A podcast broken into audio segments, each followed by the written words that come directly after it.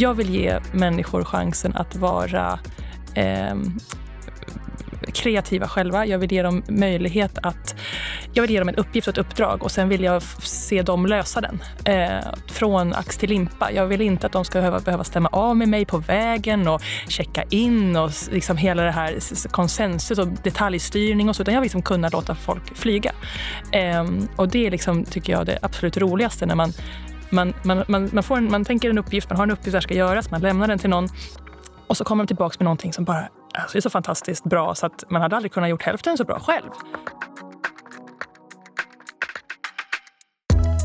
Du lyssnar på Min dag på jobbet, en podd om alla de olika yrkesroller som finns i handeln. Här i studion så finns jag, Ylva Åkesson på Handelsrådet och med mig här mitt emot sitter Julia Lindström. Hej Julia! Hej! Kul att ha dig här. Jättekul att vara här.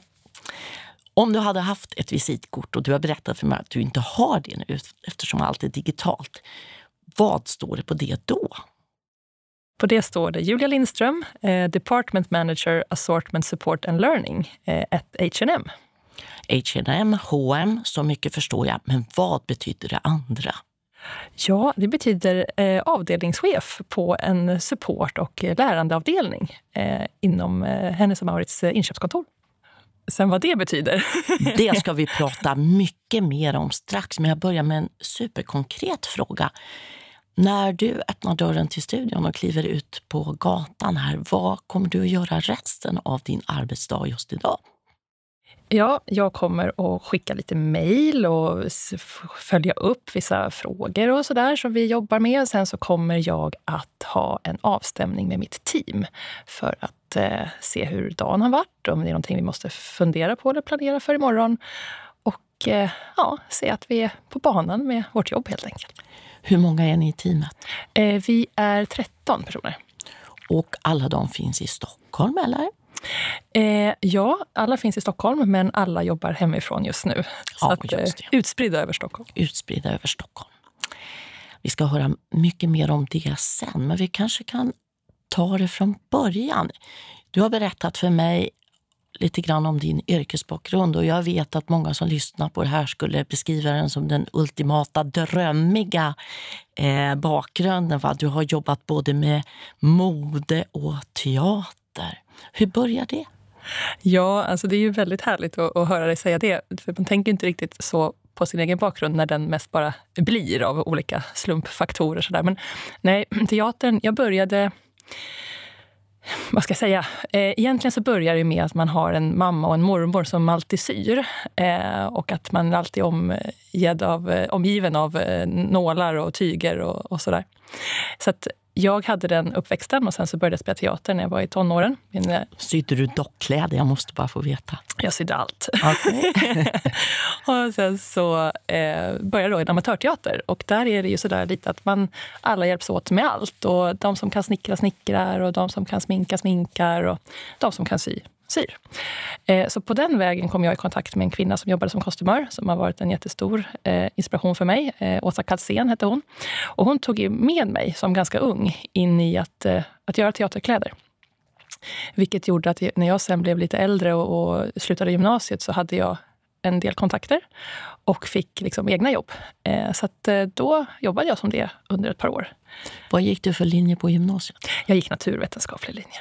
Hade du en klar bild av det här med teater och kostymör när du gick där? Eller? Ja, alltså jag var på något sätt... Det var ju det jag gjorde på fritiden och det var det jag tänkte och trodde att jag ville jobba med, så det visste jag. Men jag ville också jag gick naturvetenskaplig på Södra Latin, så att jag var ju omgiven av väldigt mycket kultur och så. En de riktig kulturskola. Precis. Mm. Men jag ville gå natur för att jag ändå kände att jag ville liksom ha det låter så kanske lite fånigt, men jag ville liksom ha en klassisk eh, utbildningsgrund för att kunna söka vidare sen om jag, om jag skulle ändra mig. Så jag försökte liksom vara lite fram, framåtseende på något sätt där. Eh, och sen tyckte jag väldigt mycket om natur också. Naturvetenskapliga ämnen ligger mig nära med. Så att, eh, det, var, det var en bra kombination att få båda. Vad var det första du gjorde efter gymnasiet och vad var det för kostymörjobb? Kommer du ihåg det, vad du gjorde för något? Ja, alltså jag blev som väldigt ung, jag var 19, så blev jag kostymansvarig på Astrid Lindgrens Värld nere i Småland. Ah. Eh, vilket är en väldigt stor stor, eh, inom situationstecken, teater. Det är ju en upplevelsepark eh, med 60 skådespelare och kostymbyten och, och andra som sydde och sådär. Så, så det var ett jättestort eh, jobb, som sagt, och baserat på att jag hade gjort andra saker parallellt med skolan tidigare. Men eh, stort jobb, mycket ansvar, mycket jobb, men så roligt och någonting som jag verkligen har eh, ja, det la grunden för min yrkesbana och även för min vänskaps, eh, eh, mitt privata vänskapskrets och så där, eftersom man eh, träffar så mycket folk. och Så Så det gjorde jag i fyra år efter gymnasiet. Hur var första dagen på jobbet där? Var du var det pirrigt?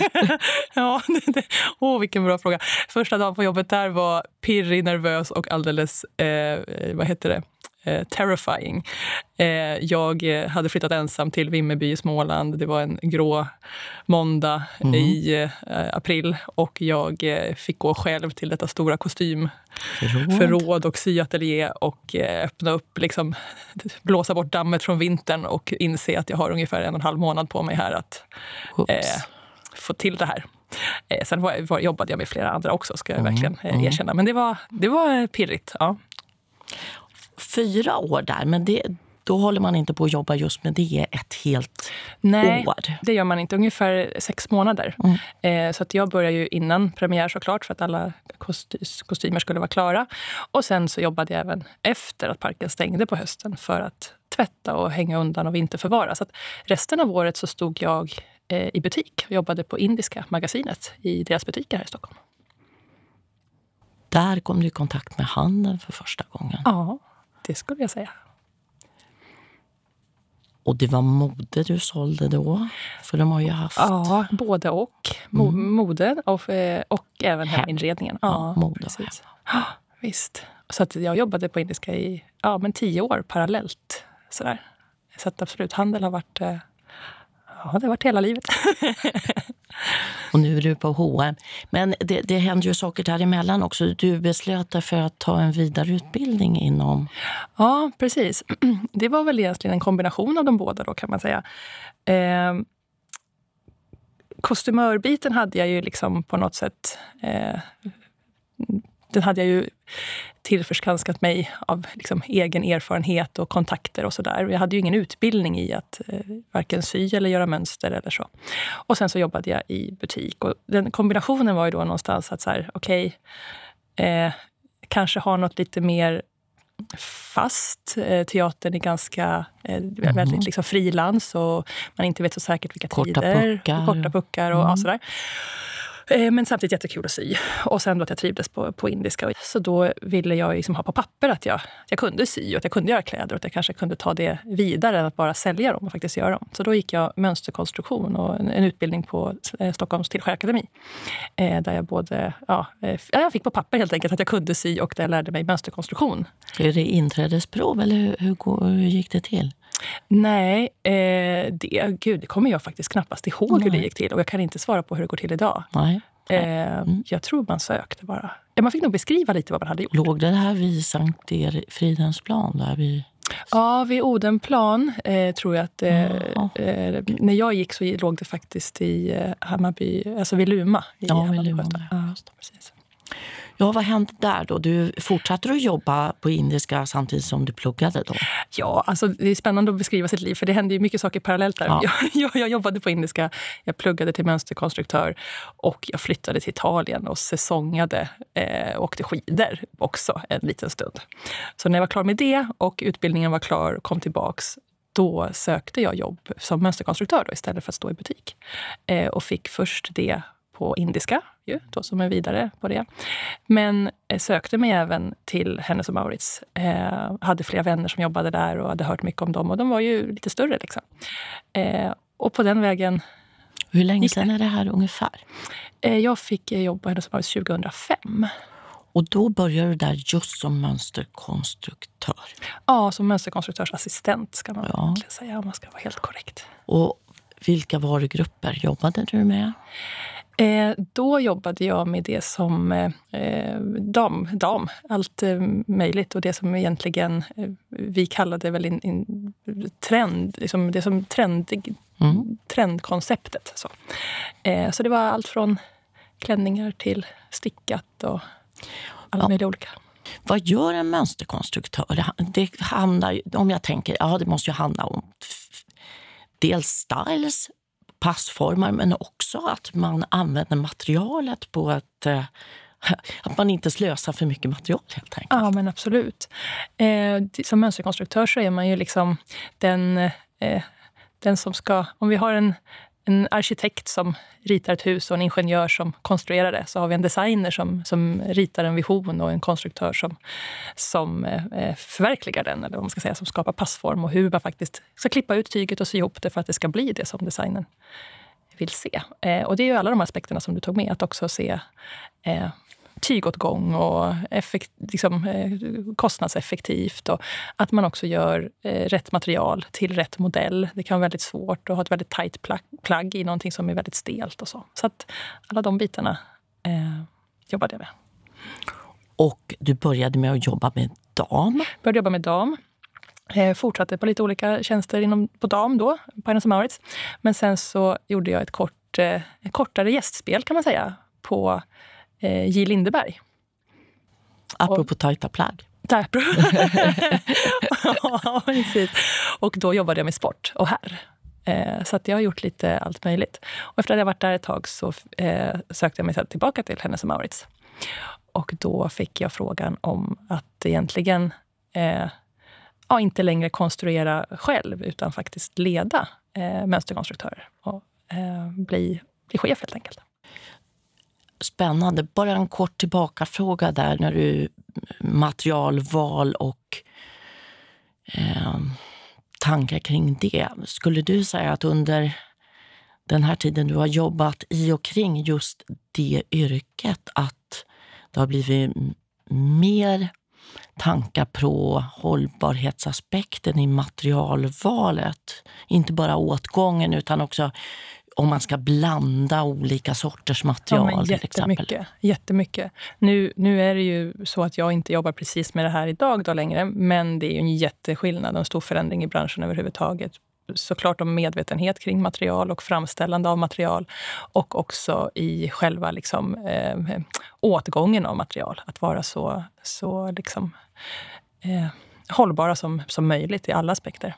För jag tänker på att om det är någon här nu som lyssnar och tänker mm, mönsterkonstruktör, hmm. då finns det en ganska stor, eh, stort mått av hållbarhetstänk i det jobbet Jättestort. idag. Ja, jättestort, verkligen. Eh, jag skulle säga att det finns ett stort mått av det och behöver vara ett stort mått av det på alla roller inom att framställa kläder. Eh, och på Hennes och Mauritz så är det verkligen en del av, av alla roller. Från hur du designar till att, hur du skapar det, till produktionen och till, till inköpen av dem. Och att så så att det är ett jättestor del av som ju inte var lika stor för, för 15 år sedan. Eh, Nej, medvetenheten om Medvetenheten. att mode har en stor miljöpåverkan har Verkligen. verkligen ökat. Verkligen. Vad tänkte du kring när du fick frågan att bli chef och arbetsledare? Var det bara så här, joho, ja, eller var det, nej, men nu får jag inte göra det som jag tycker är så roligt? Ja, eh, jag tyckte att det var roligt att få den frågan.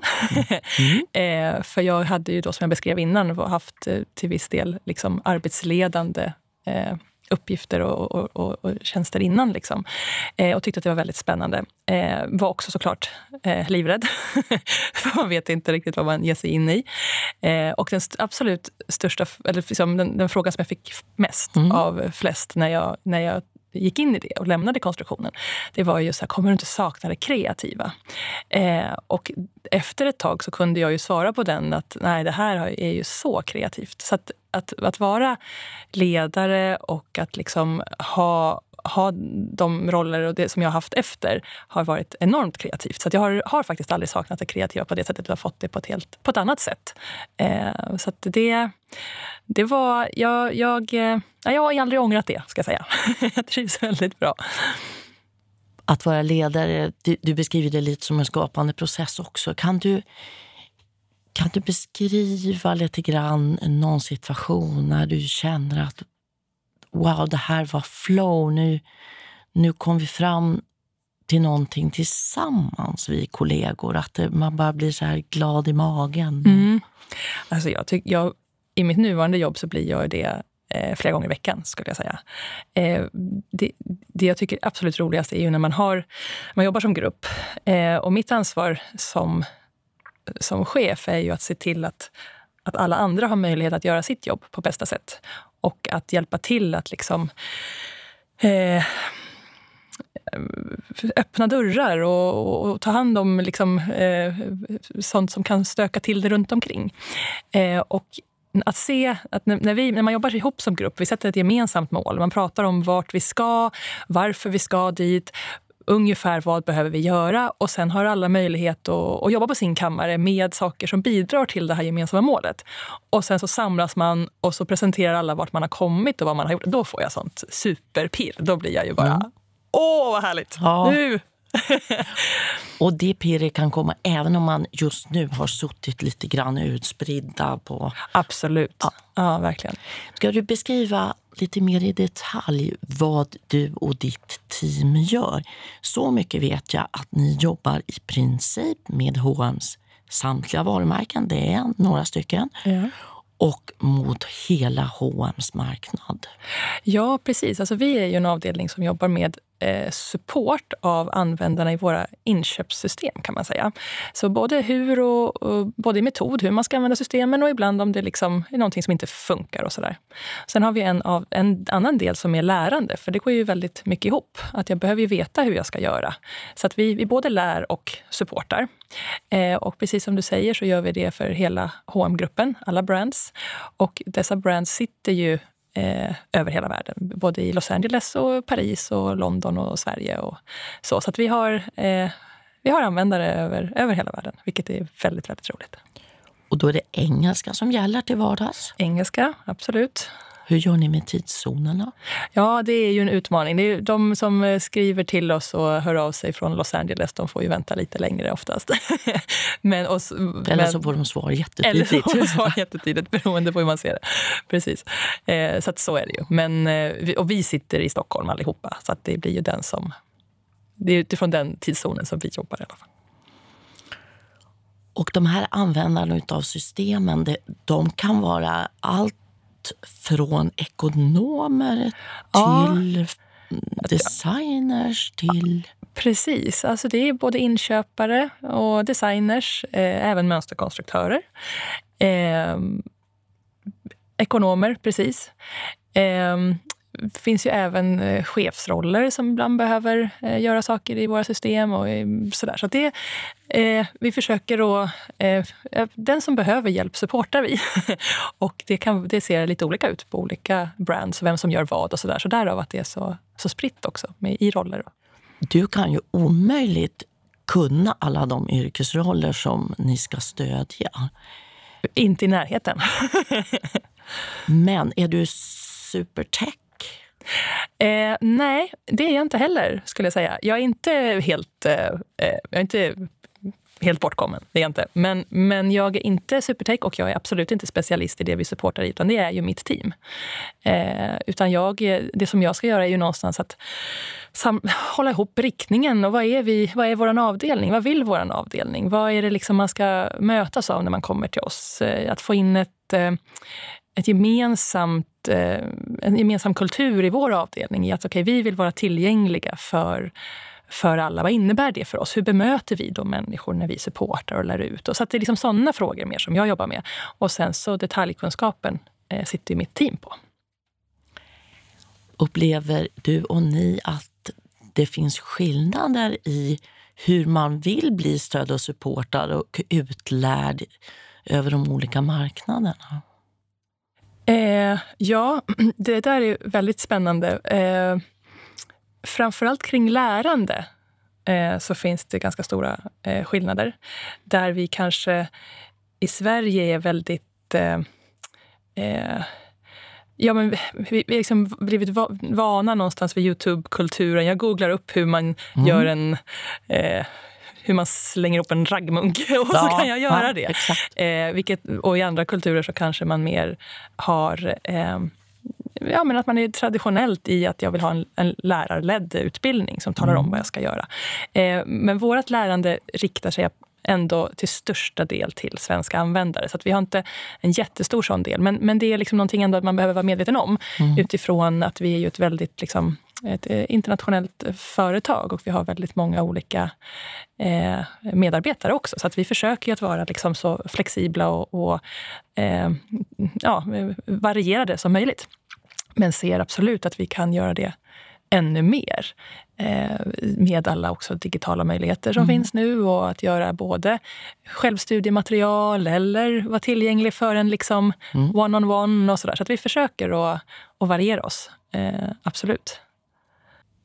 Kommer ni i teamet i direkt kontakt med stressade användare eller kanske sprutar frustration om dem. Det är deadline nu, jag kommer kommit in i systemet, jag har glömt ja, vad det nu kan vara, lösenord. Eller har ni en nivå emellan där? Nej, det är precis så. det är faktiskt precis så. Jag gör ju inte det jättemycket, utan det är ju mitt eh, fantastiska team som kommer i kontakt med den. Och de, de är ju suveräna på att hantera det där och faktiskt eh, hjälpa till och eh, hantera stress hos användare. Så vi fixar det här, eller det är bara kläder, ta det lugnt.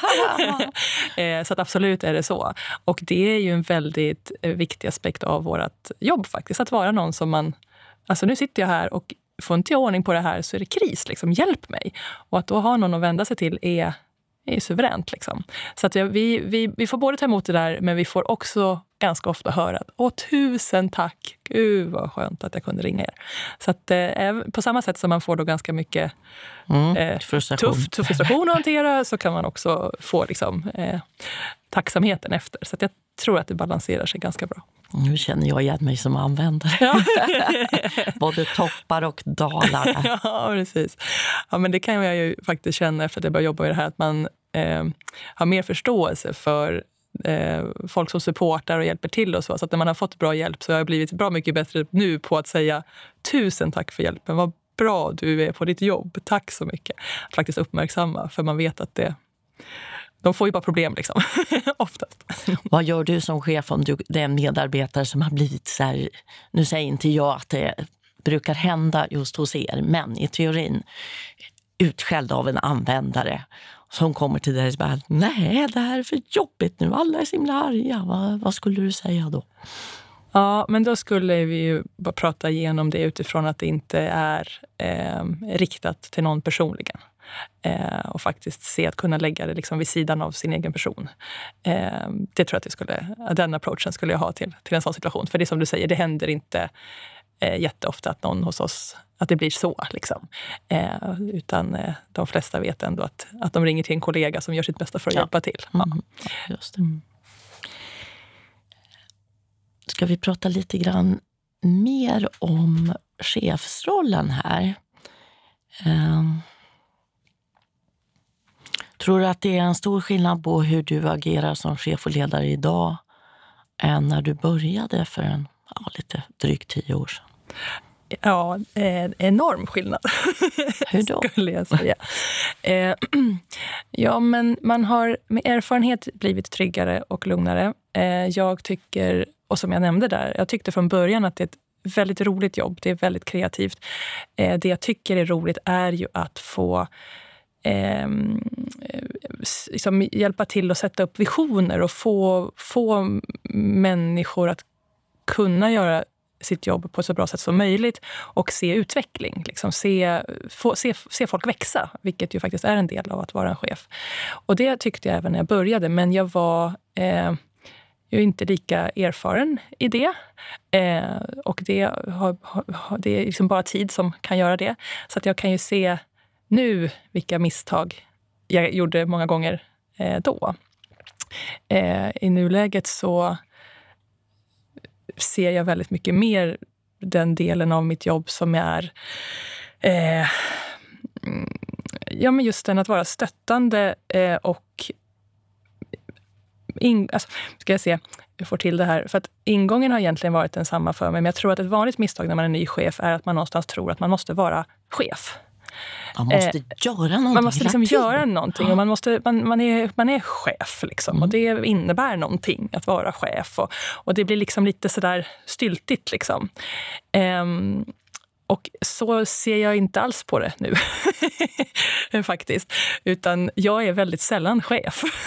Mm. Eh, jag ser ju att jag vill, jag vill ge människor chansen att vara eh, kreativa själva. Jag vill ge dem möjlighet att... Jag vill ge dem en uppgift och ett uppdrag och sen vill jag se dem lösa den. Eh, från ax till limpa. Jag vill inte att de ska behöva, behöva stämma av med mig på vägen och checka in och liksom hela det här konsensus och detaljstyrning och så. Utan jag vill liksom kunna låta folk flyga. Eh, och det är liksom, tycker jag, det absolut roligaste när man man, man, man, man, får en, man tänker en uppgift, man har en uppgift som ska göras, man lämnar den till någon och så kommer de tillbaka med någonting som bara alltså det är så fantastiskt bra så att man hade aldrig kunnat gjort hälften så bra själv. Det är ju magiskt. Och hade jag varit inne och detaljstyrt det där på vägen så hade ju resultatet bara blivit antagligen efter min egen förmåga. Då som antagligen var hälften så bra. Så att jag verkligen att liksom få människor att växa och sådär. Eh, jag ser ju att om jag behöver... Jag, det finns ju väldigt få tillfällen då jag behöver gå in och, och vara chef, om vi nu ska säga det så. Och det är ju om något om någonting liksom verkligen inte fungerar så tillvida att man kan inte, kan inte bete sig så här på en Nej. arbetsplats eller mm. med kollegor mår dåligt mm. eller alltså att, det liksom, att det påverkar människor mm. negativt. Då kan man ju behöva gå in och liksom styra i en, en situation eller med, prata med en person. Annars så är det ju liksom eh, live and let live. Alla det är så viktigt med eh, psykologisk säkerhet på jobbet. Känna att man får vara den man är, känna att man tillhör, eh, känna att man är en liksom, eh, självklar del i teamet. Jag, jag, får vara här, jag är omtyckt, jag får vara den jag, den, den, den, den jag är bekväm med att vara.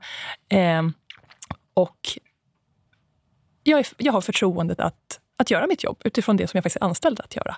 Och det tycker jag är liksom den absolut viktigaste delen, eh, som, som viktigaste liksom, delen i mitt jobb, att se till att det är så. För att man vet ju det, och jag vet det och tänker på det ganska ofta, att den absolut största arbetsmiljöfaktorn för en anställd är ens chef.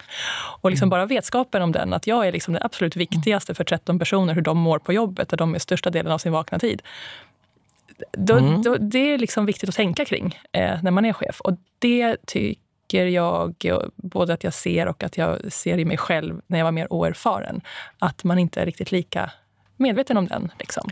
Nej, för det kräver, ju en, en, det kräver ju en trygghet hos den som är chef och ledare att just du säger låta folk flyga. Mm. Även om det vinglar lite ibland så, mm. så kommer duvan tillbaka med det där fina gröna lövet. Ja, och att komma ihåg att all, allting, nästan alla uppgifter kan göras på så många sätt. Eh, det, är inte, det är inte viktigt att jag alltid får säga vad jag tycker och hur det borde vara. Det är liksom det minst viktiga i min roll. Och det är också en sån sak som jag upplever att man eh, kanske glömmer bort som chef ibland. Att man liksom tänker att man ska tycka till och, och, och säga och så. Visa framfötter. Visa framfötter och ja. kanske är lite mer upptagen i sin egen karriär eller ja, vad det nu må, må vara. Utan faktiskt se så här, ah, men shit vilket bra jobb. Kontentan summa summarum, det vi vill uppnå är perfekt. Sen att jag skulle ha formulerat mig på ett annat sätt eller att en annan skulle ha formulerat det på ett annat sätt. Ja, men så är det ju, för vi är ju alla olika.